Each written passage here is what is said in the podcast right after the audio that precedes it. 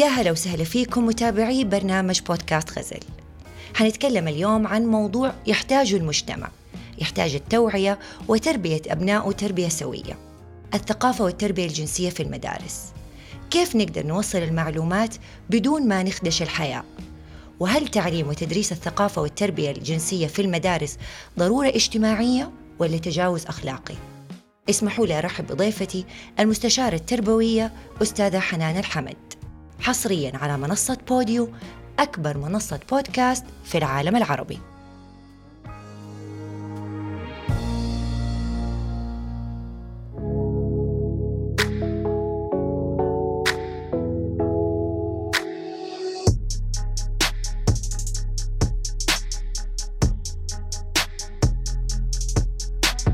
المستشارة التربوية حنان الحمد أهلا وسهلا فيك.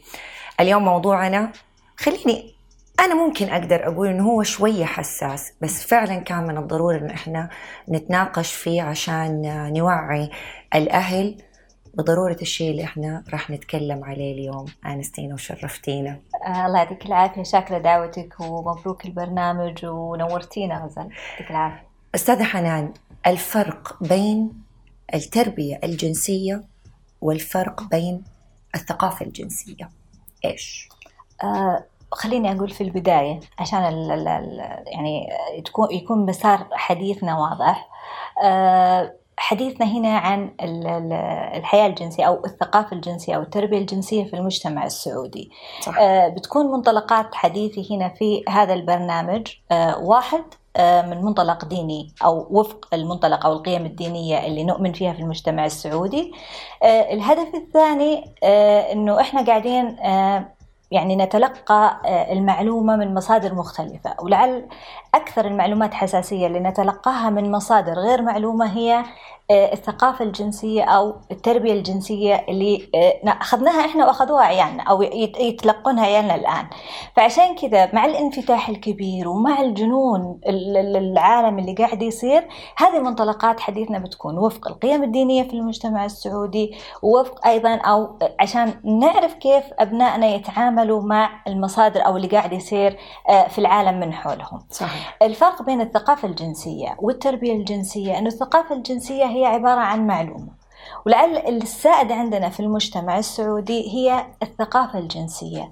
بمعنى الطفل عنده معلومة أو الأبناء بشكل عام على مختلف مراحلهم العمرية يعرف أنه عندهم أعضاء تناسلية.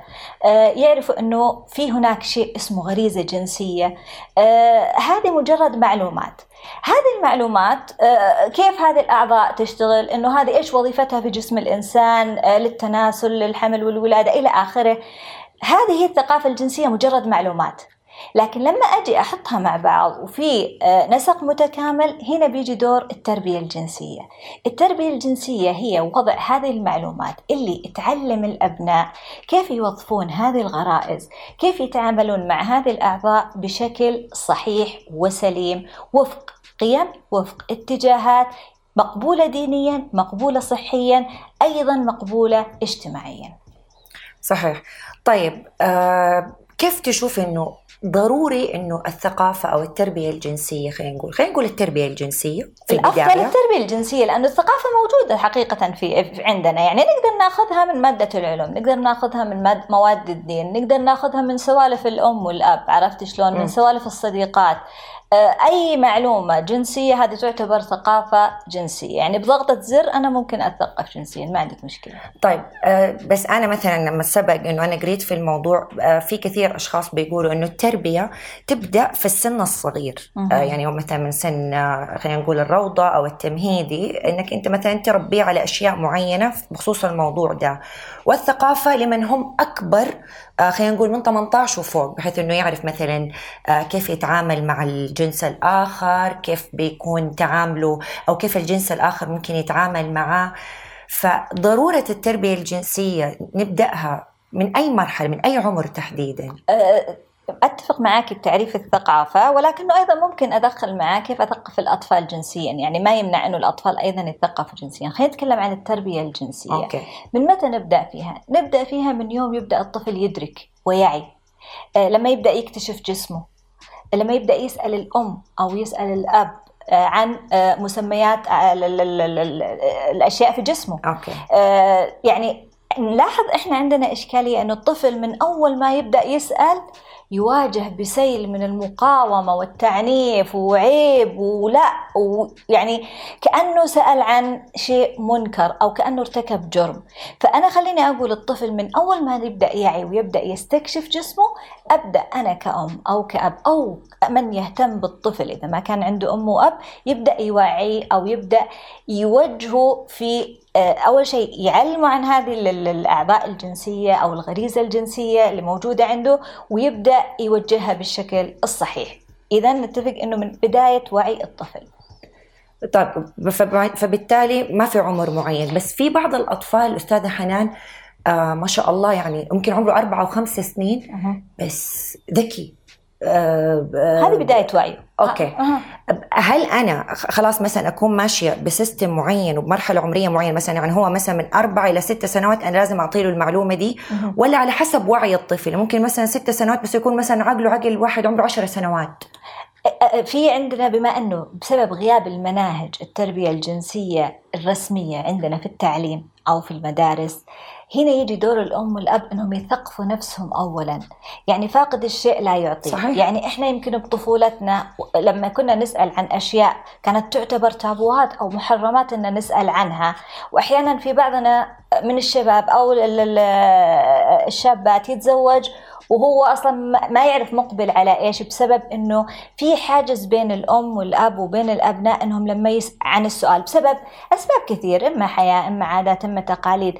فأنا خليني أقول إنه الأم والأب اللي يعني يبغوا يربوا أبنائهم جنسيا بشكل صحيح وعشان يضمنوا حياة جنسية جيدة لأطفالهم عند لما يكبروا لازم يثقفوا نفسهم اولا.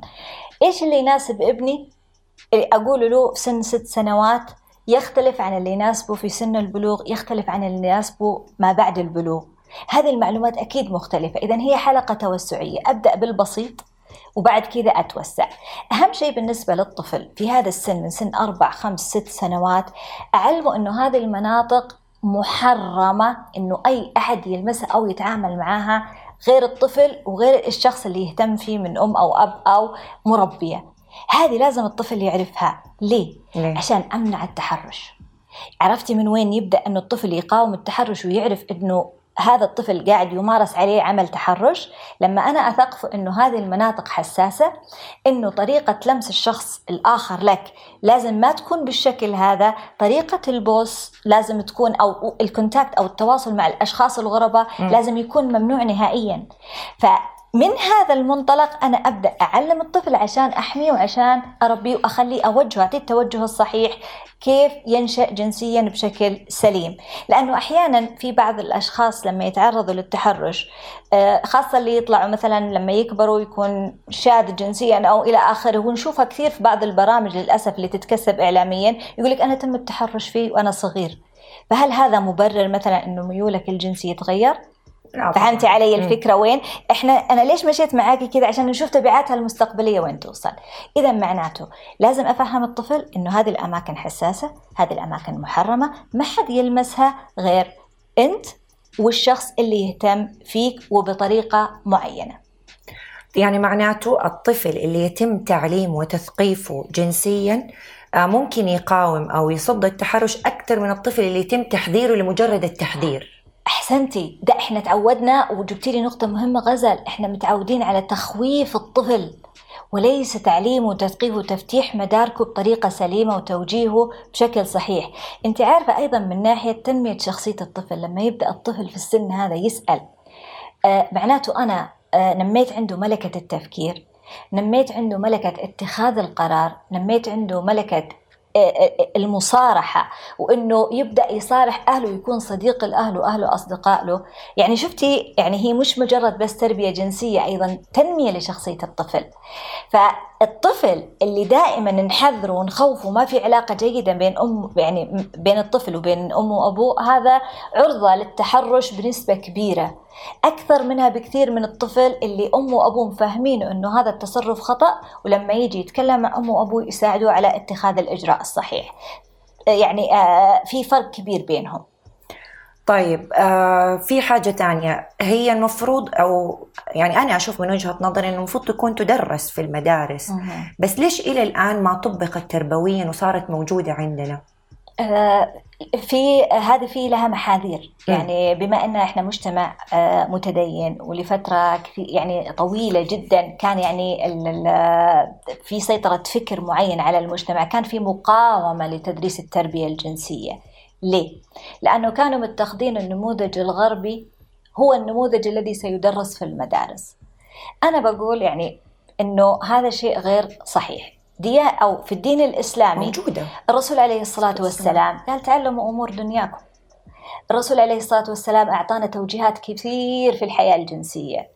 آه الغسل والجماع والأشياء هذه، هل الرسول عليه الصلاة والسلام يعني آه وهو معصوم كان مخطئ؟ بالعكس هو عارف كيف يوجه آه، أمته والمسلمين للتوجيه الصحيح لاستخدام أو لتوجيه هذه الغريزة بشكل صحيح. لماذا لم تدرس في المدارس؟ زي ما قلت لك كان في مقاومة مقاومة دينية أو مقاومة من المجموعة المتدينة مقاومة العادات والتقاليد لأنه كل شيء عندنا عيب. يعني مجرد ما نقول كلمة جنس الثلاث حروف هذه قدام شخص تحسي كأنه جبتي العيد. يعني كأنك استغفر الله قال شيء جريمة مع أنه هذه غريزة طبيعية متواجدة فينا كلنا وهي أصلا يعني سبحان الله من أهم الغرائز اللي وضعها الله في البشر للتكاثر ولإعمار هذه الأرض. ليش إحنا مستحين منها أو مستحين أن نناقشها؟ إذا طريقة تربيتنا طريقة العادات والتقاليد. بعض الجماعات أو المجموعة قالت لك هي تتنافى مع الدين. أنا أقول لك لا هي ما تتنافى مع الدين. ليش ما درست؟ آه، أو متى؟ أو هل حان وقت تدريسها؟ نعم حان وقت تدريسها. ليه؟ ليه؟ لأنه عندنا انفتاح غير طبيعي. مو إحنا اللي نربي أبنائنا بس مو إحنا اللي نربي أنفسنا بس. يعني أنت لو دخلتي على أي تطبيق وشفتي إيش الجنون اللي قاعد يحصل برا كيف الانحراف الفطري عن العلاقات الطبيعية بين الرجل والمرأة كيف قاعدين يأطروا يعني حتى المفردات يتلعبوا فيها. آه، كان شذوذ جنسي الآن صارت مثلية يعني شوفي كيف تلطيف المسميات الآن حتى يخلوا الأبناء أو الجيل الجديد يقبل مثل هذه المسميات اللي تتنافى مع الفطرة. عموما يعني مثل هذه الأشياء تتنافى أو لها رافضيه حتى في المجتمعات الغربية، يعني لو تروح حتى في أديانهم هي مرفوضة هي مرفوضة في جميع الأديان. فالأولى إنها مرفوضة في الدين طبعا. الإسلامي لما أنا أقول أبنائنا يعني ما يلقوا مصدر موثوق يتعلموا منه أو يتلقوا منه التربية الجنسية م. وأخليهم مثلا هم مع نفسهم هم يثقفوا نفسهم أو يربوا نفسهم تربية جنسية وما في عندي مصدر موثوق مثل المدرسة في تربية جنسية كذا أنا معناته قاعدة أعرض أجيال لخطر إنهم يتجهوا توجه مضاد للفطرة وتوجه مضاد للقيم قيم الدين وأيضا مضاد للقيم الصحية اللي إحنا نسعى إنه آه، آه، يعني يكون عندنا جيل صحي، أنت عارفة إنه مثلا آه، إذا كان ما عندي تربية جنسية صحيحة، القيم اللي توجه الغريزة الجنسية بإنها تطبق أو تمارس بشكل خاطئ تنتج عنها أمراض كثير. طبعا. يعني شوفي أيضا صحيا، ليه؟ لغياب القيم الموجهة لهذه الغريزة. عرفتي علي؟ عشان كذا إحنا نقول لازم تدرس مادة التربية الجنسية في المدارس لعل في الدول العربية كلها ما عندي ولا دولة قاعدة تدرس تربية جنسية لعل في تونس عام 2019 بدأوا بإقرار أو آه، يعني البدء بهذا المشروع بالتعاون مع آه، لجنة تنمية الإسكان في الأمم المتحدة وظهر معهد حقوق الإنسان عندهم في تونس طيب هل المجتمع التونسي يحمل نفس القيم زي المجتمع السعودي؟ هل أنا أقدر أخذ المنهج التونسي وأقول درسوه لعيالنا في السعودية؟ لا طبعا أكيد. لا طبعا، إحنا عندنا أصلا طبيعة مجتمعنا تختلف، العادات، التقاليد، طريقة التفكير تختلف، عشان كذا أقول إحنا لازم نحط منهج التربية الجنسية عندنا في مدارسنا بطريقتنا نحن. يعني أبى أقول أبى أقول للي, اللي قاعدين يرفضون الفكرة تطمنوا عيالنا اللي بيحطون منهج التربية الجنسية عن طريق مختصين مختصين في علم النفس مختصين من الصحة مختصين في أطباء إلى آخره. هم اللي يحطون لنا هذه المناهج منا وفينا يكونوا متفهمين أكثر للمجتمع السعودي للعادات والتقاليد. مع أن أحيانا نعم. مع أن أحيانا في بعض العادات والتقاليد مفروض يعني ممكن نعدلها عن طريق مادة التربية الجنسية في المدارس. في بعض العادات والتقاليد تمارس آه، قد تؤثر على حياتنا الجنسية مستقبلا صح ولا لا؟ أنا ودي أسألك إيش؟ آه إيش؟ يعني مثلا خليني أقول لك شابة آه، آه، داخلة على آه، الزواج. أوكي. ماخذة فكرة عن الزواج إنه الحياة الجنسية شيء عيب شيء مثلا مقرف. شيء مثلا فقط للتكاثر أو آه، تجربة أو تسمع تجارب جنسية مثلا من آخرين بسبب غياب التربية الجنسية عندها الصحيحة. منذ الصغر. منذ الصغر سواء من الناحية الصحية سواء من الناحية النفسية آه، تفهم جسدها آه، تفهم احتياجاتها الغريزية وكيف توجهها بشكل صحيح سواء عند الشباب أو البنات. خلينا نتكلم عن البنات فتدخل وهي خايفة من هذه التجربة. الشاب في بعض الشباب أنا ما أعمم لكن آه، ممكن يكون غريزته أو تربيته الجنسية نمت عنده بطريقة معينة مختلفة تماما. م. قد يكون استقى هذه التربية الجنسية عن طريق مثلا آه، أفلام إباحية عن طريق مثلا آه، ممارسات معينة. ممكن تكون القيم اللي وجهت غريزته الجنسية مثلا ما منعته إنه يمارس الجنس خارج إطار الزواج فيدخل هو أيضا بتجربة مختلفة تماما. عن اللي هو متوقع يشوفها مع زوجته. فهنا يحصل عندي فجوة يحصل عندي انفجار يحصل عندي عدم توافق. عرفتي وين هذه مؤداها؟ طيب شيء ثاني آه إذا ما كان عندي تربية جنسية تحمل قيم موجهة دينية وصحية واجتماعية قد ينتج عنها أيضا عندنا أطفال مجهولي الأبوين.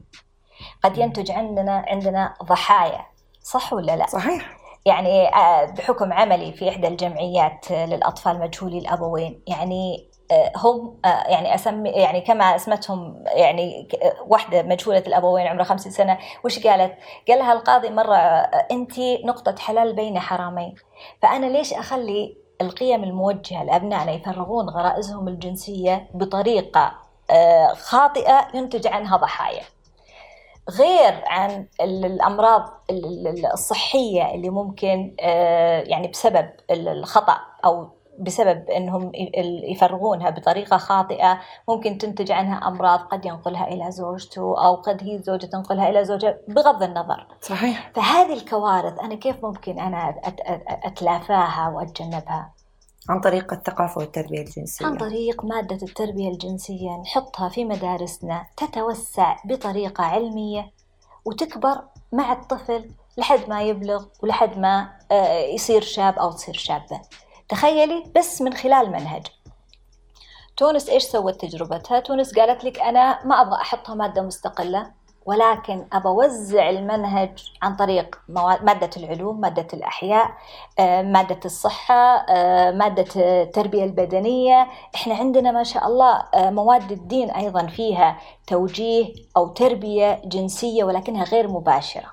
صحيح. فإحنا نبغى منهج مرتب يضع مختصين ويدرب على تدريسه آه، ناس أكثر وأنا هذا اللي كنت أبغى أسأله الكوادر التعليمية يعني يتهيأ لي أو سبق أنا برضو شفت يعني في كذا لقاء عن الموضوع ده في مدرسة حقت رياض أطفال بتقول أنا بواجه صعوبة أنا بأخجل كيف أقدر أوصل المعلومة دي للطفل.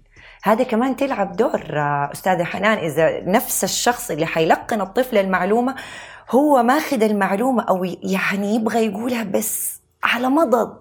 كيف إحنا ممكن كمان نقدر نقنع الكادر التعليمي إنه ترى هذا علم والثقافة الجنسية للأسف الشديد كثير ناس من مجتمعنا أو في العالم العربي ماخذها إنه التربية الجنسية أو أي حاجة لها علاقة في الجنس هو فقط العلاقة الحميمية بين المرأة والرجل بينما هي في تحتها أشياء كثير تندرج. يا ريتهم يأهلوهم لهذه العلاقة الحميمية. خذوها فغلوه والله. فتصير التجارب صراحة تسمعي أشياء غريبة. يعني تسمعي سمعات غريبة. ليه؟ لأنه كل واحد جاي في خلفيته وجاي في الانطباع الأول عنه. يعني آه، مثلا تجيكي قصة مثلا آه، رجل مثلا ما ما ما ما ما يستمتع بالعلاقة الجنسية مع زوجته لأنه تعود على انطباع جنسي معين وهو شاب. ما لقي توجيه عرفتي علي؟ هذه المعلمة ليش ليش خجلت؟ وليش اعتبرته شيء محرم أو شيء صعب إنها تقوله للطفل؟ لأنها هي تربت كذا. إحنا كلنا تربينا على إنه هذا الشيء عيب. يمكن في لما كبرنا وكل واحد بدأ يعدل في الأشياء اللي تعلم فيها تغيرت توجهاتنا. صحيح. يمكن لو جيتيني قبل خمس سنوات غزل تقولي لي تعالي اطلعي معي تكلمي عن الثقافة ما كنت حتطلعي والله ما أدري تراني شوي مصرقعة ممكن أطلع أطلع معك. ولكن يمكن ما يكون عندي هذا الهدوء في الطرح. صحيح. أنا أشوفه إنه شيء علمي بحت شيء تربوي بحت. آه هذه المعلمة تربيتها أثرت عليها وفي شعرة بسيطة بين اللي نسميها باللغة الإنجليزية نسميها فالجر الشيء الهمجي صحيح. في التعامل مع التربية الجنسية والطريقة الراقية يعني لما يجي طفل ويقول كلمات مرة بطريقة فجة آه، عن مثلا آه، عن بتسمية الأشياء أو الأعضاء التناسلية أو متى يستخدمها أو أو أو تقولي هذا الولد ما تربى أو أهله ما ربوه. صحيح. لا إحنا نعلمهم إياها بطريقة مهذبة. وعلمية. وعلمية وتربوية وإنه كيف نوجهها؟ يعني هذه الغريزة كيف توجهها؟ كيف تتعامل معها؟ يعني ما في أحسن من الدرس النبوي آه، اللي قال آه، آه، من استطاع منكم الباء فليتزوج ومن لم يستطع فعليه بالصوم. هذا درس هذا درس ديني تمام؟ في ناس لا من كثر ما قمعوا هذه الغريزة وجنبوها وحجموها لدرجة أنها صار أصبحت من المحرمات عند بعض الناس. عرفت شلون؟ صحيح. بينما لا هي غريزة مثلها أي غريزة أخرى ولعلها أهم الغرائز هي اللي فيها نتكاثر هي اللي فيها نعمر الأرض هي اللي فيها سبحان الله آه يعني ربي جعل فيها آه إذا وجهناها توجيه صحيح وبالحلال فيها لذة ومتعة فليش إحنا نحرم آه نحرم أبنائنا أنهم يعيشوا حياة سليمة أو حياة سوية؟ من خلال تعليمهم للمواضيع من خلال أول شيء الأم والأب لازم يتثقفوا لازم يدربوا نفسهم كيف يعلموا أطفالهم. أيضا نطالب فيها في مدارسنا وتكون عن طريق مختصين ويكون الكوادر يعني أتذكر في معلم من المعلمين في درس في الفقه عن الغسل والجماع والأشياء هذه. عمل له skip. تجاوز عمل له skip تجاوز الدرس كامل. معقول؟ مستحي من الطلاب. ونفس الشيء في معلمات تتجاوز يعني تعطي بس تلميحات عن الدرس وكملوه في البيت. طب يا جماعة لا حياء في الدين. أنت الآن بين عندك قوى كثيرة تحكم الإنسان وتوجه عندك قوة القيم الدينية قوة العادات والتقاليد المجتمع الحياة عرفت شلون؟ عيب كلمة عيب هذه كبيرة فهي ممكن تكون الضغط الكبير اللي عليهم اللي خلتهم يحرموا طلابهم من إنهم يتعلموا معلومة عن الحياة الجنسية أو التربية الجنسية. أستاذة حنان سن البلوغ الآن آه، ما صار زي زمان. يعني الآن الأطفال والله حتى ماني عارفة أسميهم أطفال ولا مو أطفال. حاسة إنه أنا اللي طفلة.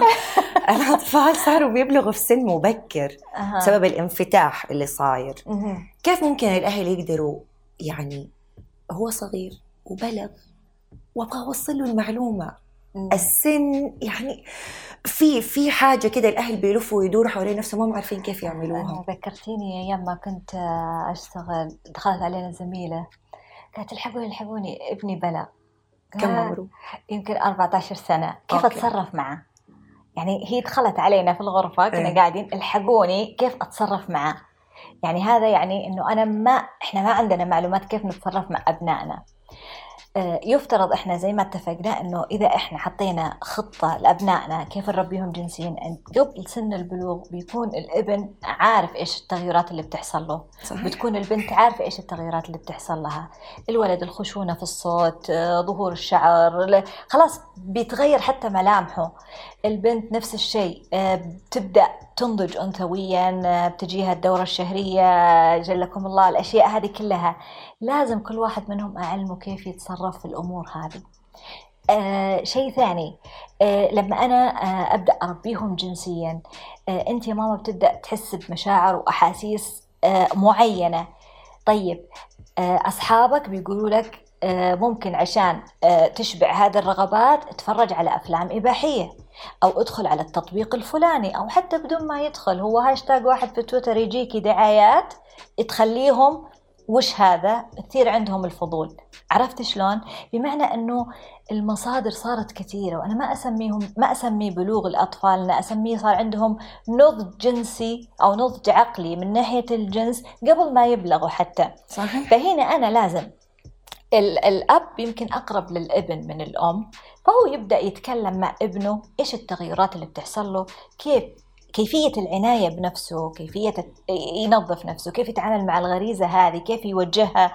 إذا يعني لازم يحط له إطار ديني وإطار مجتمعي وإطار أخلاقي وهذه أحط تحتها 20 خط أخلاقي كيف يتعامل مع هذه الغريزة ليه؟ لأنه عادة الغريزة عند الأولاد أكثر الغريزة الجنسية عند الأولاد أقوى منها عند البنات, البنات. فيبدأ يحاول في بعض الحالات نشوفها يبدأ يحاول يفرغ هذه الغريزة باللي بالدائرة المحيطة فمن هنا ينشأ التحرش بين الأقارب أوكي. عرفتي الفكرة هذه؟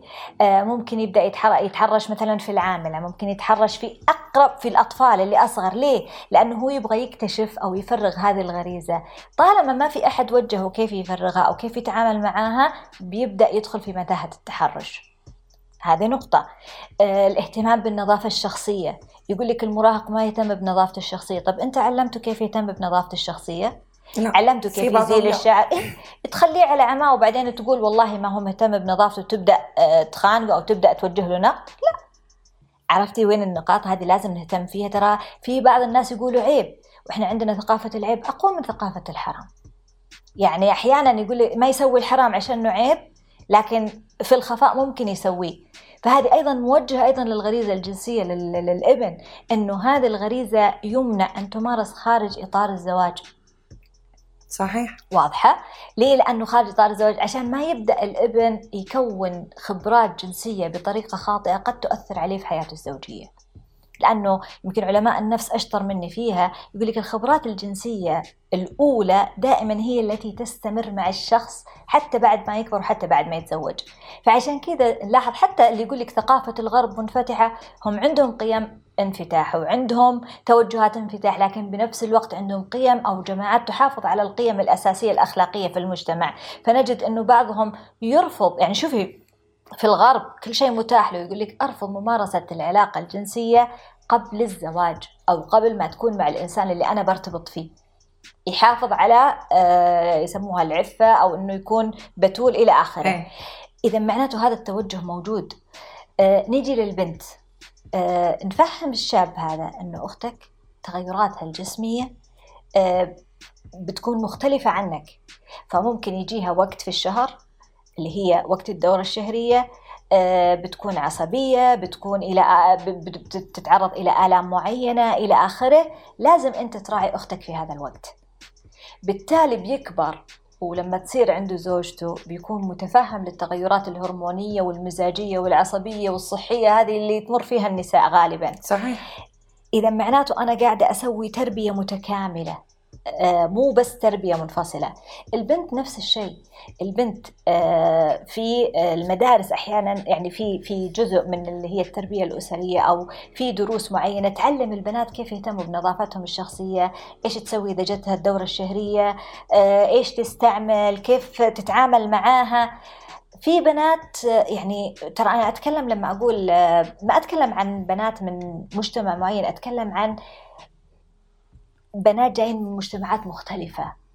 يمكن بنت عمرها 15 سنة أمها عمرها 60 سنة أو 50 سنة. صحيح. فبيكون الفرق بينهم كبير الثقافة مختلفة الأم تستحي تعلم بنتها.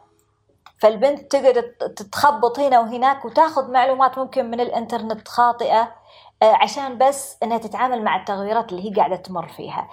لهذا آه، آه، نقول إنه الأم والأب اللي بيشاهدونا أو يسمعونا لازم آه، يتكلموا. مع أبنائهم قبل سن البلوغ يعني لما يصير عمرهم عشر سنوات 11 سنة آه، لحد ما يبلغوا يهيئوهم نفسيا بحيث لما تبدأ هذه التغير التغيرات تجيهم خلاص يكونوا جاهزين. عارفين كيف يتصرفوا.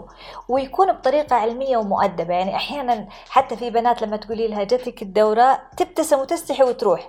ليه؟ لأنها تبدأ تستحي من مثلا التغيرات البروز اللي بيطلع في جسمها. صحيح. عرفتي؟ اللي هو صدرها بتصير جسمها أنثوي الكيرفز اللي بتطلع لها. وهي متعودة مثلا تطلع تلعب آه، مع أخوانها آه، تطلع عند عيال عمها عادي. ف هي البنت ما لاحظت تغييرات على نفسها. الآخرين يلاحظون أنها نضجت وصارت أنثى. حتى طريقة الكلام طريقة التصرف مع التغيرات في الأجهزة الجنسية أو في الأعضاء التناسلية عندهم والهرمونية لازم هم يعرفوا كيف أيضا يتصرفوا مع الآخرين. طيب ضرورة تعليم الأطفال آه الأشياء بمسمياتها العلمية. قد إيش ممكن يحمي الطفل من مثلا تحرش أو آه، تلقي معلومة بشكل خاطئ. يعني قد سبق أنا برضو شفت إنه آه، معلمه في أمريكا آه، طفل عندها كان بيتعرض لتحرش أتوقع من عامل في مدرسة. فكانت بتي... كانت بتيجي الطفلة تقول لها إنه بيمسك منطق المنطقة الحساسة عندها فبتقول لها هي بطريقة كيف الأهل بيقولوها في البيت كيف مسميين آه آه مغيرين التسمية حقتها. مغيرين التسمية. طبعا يعني أنا أكثر حاجة ممكن أنا بتستفزني إنه آه، لما أحد يجي يقول له عيبك ليش ليش أنتم بتسموه عيب؟ ليش ليش إحنا عندنا المنطق ده والشيء إيه إيه إيه. ده إنه إحنا نسميه. فكان بيتحرش فيها العامل والمعلمة ما هي عارفة لأنه الأم علمتها المسمى للمكان ده مثلا whatever وي وي يا يا يا. إيه لا ليه؟ لأنه ثقافة البيت هذا آه، خلاص لهم ثقافتهم الخاصة. يعني معلمة أمريكية وفي أمريكا ولاحظة أنهم أيضا ما استخدموا المسمى الصريح للأعضاء مباشرة. يعني عشان هذا رد يمكن أقول أنه ما نعمم على ثقافات المجتمعات الأخرى. العيب موجود والتقاليد موجودة والعادات موجودة طبيعة البشر واحدة. لازم نعلم أبنائنا المسميات الصحيحة ولازم نعلمهم متى يستخدموها وكيف يستخدموها عشان نتجنب أنه يكون الأبناء فجين أو فضين أو يستخدموها بطريقة آه، غير لائقة صحيح عرفتي شلون؟ يعني ممكن يستخدم الاسم الصحيح لكن المسمى العلمي لكن بطريقة آه، تكون بعيدة عن الهمجية أو بعيدة عن أنه يستخدمها بشكل دائم أحيانا تلاقي أطفال يسبوا مسبات باستخدام مسميات ما هي صحيح. كويسة آه، ليه؟ لأنه اعتبروا أنه الأعضاء هذه كأنها شيء مسبة أو عيب زي ما أنت تفضلتي لازم نعلم الأبناء هذه مناطق حساسة نعلمهم مسمياتها نعلمهم مين اللي مسموح فيهم إنه يلمسها أو يقرب منها وفي حال لو أحد لمسها أو تعدى عليها يخبروا مين؟ المعلمة الأم الأب المربية لازم يكون في أحد قريب منهم. طب لو مثلا في بعض الأهالي أستاذة حنان يعني لو عرفت إنه ابنها ولا بنتها أتعرض لموقف زي كده آه على طول مثلا تيجي ونهر وخصام ويفضل مثلا محسسين إنه الطفل هو اللي عمل الجريمة فبالتالي يخاف ويسكت. آه لا لا هذه هذه يبغى لها يعني في طريقة علمية للتعامل مع الطفل المتحرش فيه. يعني الطفل اللي يخاف يعني هو أفضل ضحية للمتحرش. يعني هذا يعتبر الضحية الممتازة للمتحرش. ليه؟ لأنه بيلقى آه، بيخاف إنه يقول لأهله مرة ثانية بيلقى تقريع أيضا بيلقى تخويف من المتحرش. فبالتالي يعني كل حياته الجنسية آه، بيكون سبب بدمارها المتحرش والأهل غير المتفهمين. آه، يقول لك سبحان الله الطفل المتحرش فيه ما يكتسب الثقة مرة ثانية إلا عندما يتم معاقبة المتحرش. عشان كذا أنا أقول للأهل لا تتنازلوا عن حق أبنائكم نهائيا. خذوه بالقانون. والحمد لله الآن في المملكة العربية السعودية يعني في حماية للأطفال والمتحرش فيهم. يعني قانون التحرش يعني قوي جدا. آه، القنوات آه، يعني عندك أكثر من قناة مو قناة واحدة عشان تبلغي عنها أنه ابنك تم التحرش فيه. آه، لا سمح الله أو الطفل تم التحرش فيه. عرفت شلون؟ في قنوات كثيرة فأنا أقول لك الطفل لا يستعيد الثقة بنفسه إلا بعد أن يتم معاقبة المتحرش. بعدها خلاص بتنزع العقدة هذه وبيقدر يتجاوزها بعدين لما نعالجه نفسيا واجتماعيا بيقدر يتجاوزها. أما طالما المتحرش لم يتلقى عقابه بتستمر العقدة هذه مع الطفل إلى أن يكبر. من وجهة نظرك لو مثلا تم إقرار التربية الجنسية عندنا في المدارس كيف حيكون تقبل الأهل ليها؟ هل مثلا حيكون في قبول إنه يلا أوكي جو اهيد إحنا معاكم ولا حيكون في شوية تخوف؟ آه، لا من حكم يعني كمراقب للتغيرات الاجتماعية أي. أنا بطلع نفسي برا المجتمع وأشوف لك والتغيرات لا أتوقع بنتقبلها وأتوقع بس هذا يعني حتى يمكن بيشيل حمل عن ظهر الأهل وهذا أنا ما أبغى يصير. أنا أبغى الأم والأب يلتزموا بدورهم من ناحية التربية الجنسية. المصادر كثيرة عندنا غزل. المصادر كثيرة. يعني آه شفت واحدة طالعة بالتلفزيون في برنامج تقول أنا صرت مثل أنا صرت مثلية أو هي صارت شاذة وتميل إلى البنات لأنها تقول كبرت صار عمري 18 سنة ما لقيت أحد يوجهني. لا أشعر إنه عندي رغبة جنسية. ولما بحثت في الإنترنت والله تطابقت حالتي مع حالة الشاذات جنسيا. وصار ميولي للبنات. تخيل المصيبة أنه واحدة تترك وهي عمرها 18 سنة وهي تبحث عن ميولها وأنها هي اللي تقرر أنها شاذة. هي تقول لك أنا مثلا ما عندي مشاعر ما عندها تربية جنسية صحيحة أو توجيه إلى آخره. فهي اكتشفت من خلال البحث في الإنترنت فأنا ب... ليش أخلي ابني أو بنتي ضحية للإنترنت والتوجهات الشاذة اللي حتى في دول الغرب والأديان كلها ترفضها؟ لازم يصير أو التربية الجنسية أتوقع في المدارس قد نسمع بعض الأصوات تقول لك إيه أنتم تبغوا تنقلوا ثقافة الغرب؟ ابى أقول له لا إحنا ما راح ننقل ثقافة الغرب إحنا نبغى نطبق ما جاء في ديننا الحنيف نبغى نطبق قيمنا الاجتماعية ونحافظ على أبنائنا من الناحية أو من الناحية الجنسية أو صحتهم الجنسية نبغاها تنمو وتكبر بالطريقة السليمة. يمكن هم تخوفهم أو بتكون المقاومة بأنه أنتم بتجيبوا لنا نموذج جاهز. أنا بقول لا النموذج الجاهزة لا تناسب المجتمع السعودي وكل مجتمع له آه، طبيعته وله طريقة تفكيره وثقافته. لهذا الأفضل أنه يكون آه، برامج موجودة عندنا. قد نستفيد من تجارب الآخرين بجوانب معينة بسيطة طريقة وضع المنهج إلى آخره لكن المحتوى لازم يكون محلي مئة بالمئة. الأم والأب كون إذا بإذن الله أقرت يعني أتمنى أنها تقر في المدارس التربية الجنسية يجب أن يتخلى الأم والأب عن كلمة عيب أو عن الخجل الزائد في غير محله. يعني الأبو آه، والأم أحيانا يسبون مسبات ما أنزل الله بها من سلطان. ولما تجي عند التربية الجنسية ومصلحة ابنك لا عيب. لا نوزنها شوي. هذه مسؤولية يعني كلكم راع وكلكم مسؤول عن رعيته. آه الأب لما يك... البنت لما تكبر أو الابن لما يكبر يقول ليت أمي وأبوي علموني. فهذه ما نبغاها في عيالنا لأنه ما شاء الله الحين نسبة المتعلمين عندنا كثار ونبغى نصير متعلمين ومثقفين واعين يعني الوعي مهم جدا فبالعكس أنا أيدها آه، بنفس الوقت نبدأ من الحين الأم والأب يبدأوا يثقفوا نفسهم عشان ينقلوا هذه الثقافة لأبنائهم بشكل سليم. أستاذة حنان هل التربية الجنسية تعني بالضرورة الانفتاح والانحلال اللي بيشوفه بعض الأشخاص في المجتمع؟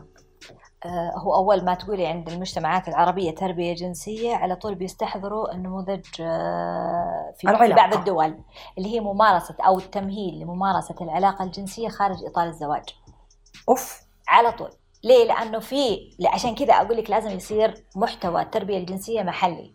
لأنه التربية الجنسية مثلا خلينا نقول في بعض الدول آه، فيها جزئية عن كيف تأخذ مانع الحمل.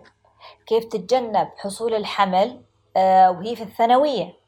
آه، يوزعون أحيانا آه، موانع الحمل بمختلفها أو على اختلافها وكيف يمارسون العلاقة الجنسية بحيث أنه ما يحصل حمل أو انتقال الأمراض أنا مو قاعدين نطالب بهذا أبدا أبدا. إحنا قاعدين نقول بالعكس حطوا تربية جنسية تضع اتجاهات توجه العلاقة الجنسية لمنع حصول علاقات خارج إطار الزواج لمنع آه، توجيه الغريزة الجنسية لممارستها بطريقة خاطئة سواء عن طريق التحرش أو عن طريق آه، مثلا يستقي معلوماته عن طريق مثلا الأفلام الإباحية أو أي شيء يتنافى مع آه، القيم الدينية والقيم الأخلاقية اللي موجودة في المجتمع. هذه ضرورية جدا يجب أن يدركها من يستمع لكلمة تربية جنسية في المجتمعات العربية. آه، المسمى واحد يمكن كلمة education تحصل لبس عندنا لما نجي نترجمها. تترجم على ثلاث آه، معاني ثقافة تربية وتعليم. تمام؟ فهناك التعليم الجنسي في الدول الأخرى يتضمن بعض هذه الأجزاء اللي ذكرناها لكن نحن ما إحنا أبدا ضد أنه يتم تعليم الأبناء في سن مبكرة هذه الأشياء. ممكن في سن متقدمة نعلم أبنائنا يعني لما في اللي هي البرامج الخاصة بالزواج. صح. آه، تأهيلهم للزواج. الآن في برامج كثيرة آه، تعد مثلا المقبلين على الزواج. ممكن تتضمنها كيفية الممارسة الصحيحة العلاقة الجنسية وموانع الحمل وعدد الأطفال والاهتمام بالصحة إلى آخره. يعني في لها وقت معين. ما هو أنا لو عندي منهج مرتب أبعرف وين أعطي المعلومة في الوقت الصحيح وفي السن المناسب. يتماشى مع الفئة العمرية. يتماشى مع الفئة العمرية. يعني إحنا نبغى تربية جنسية تعطي معلومة وتعطي توجه بحيث إنها تمنع للمصائب اللي قاعدين نشوفها الآن. أحيانا مثل زي ما قلت سابقا ممارسة علاقة خارج إطار الزواج يحصل منها حمل ويصير فيها طفل مجهول الأبوين.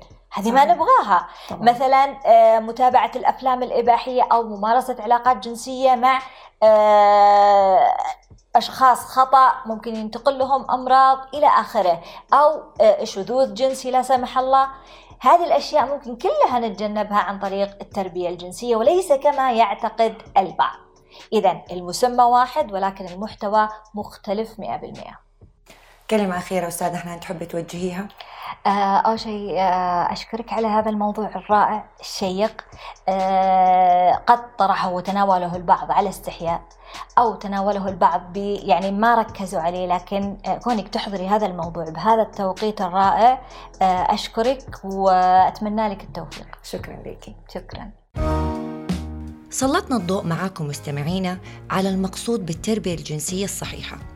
وتوضيح مفهوم التربية والثقافة الجنسية لحماية أبنائنا وبناتنا وكيفية التعامل مع أسئلة أبنائنا وإشباع فضولهم بالطريقة المناسبة لهم. أشكر ضيفتي أستاذة حنان الحمد لتوضيحها الموضوع بشكل تربوي صحيح. أخيراً الثقافة والتربية تعني حماية وحياة طبيعية لأطفالنا. وهي الأول قالوا إن كبر ابنك خاوي والرسالة واضحة. كانت معاكم غزل بري من برنامج بودكاست غزل على منصة بوديو.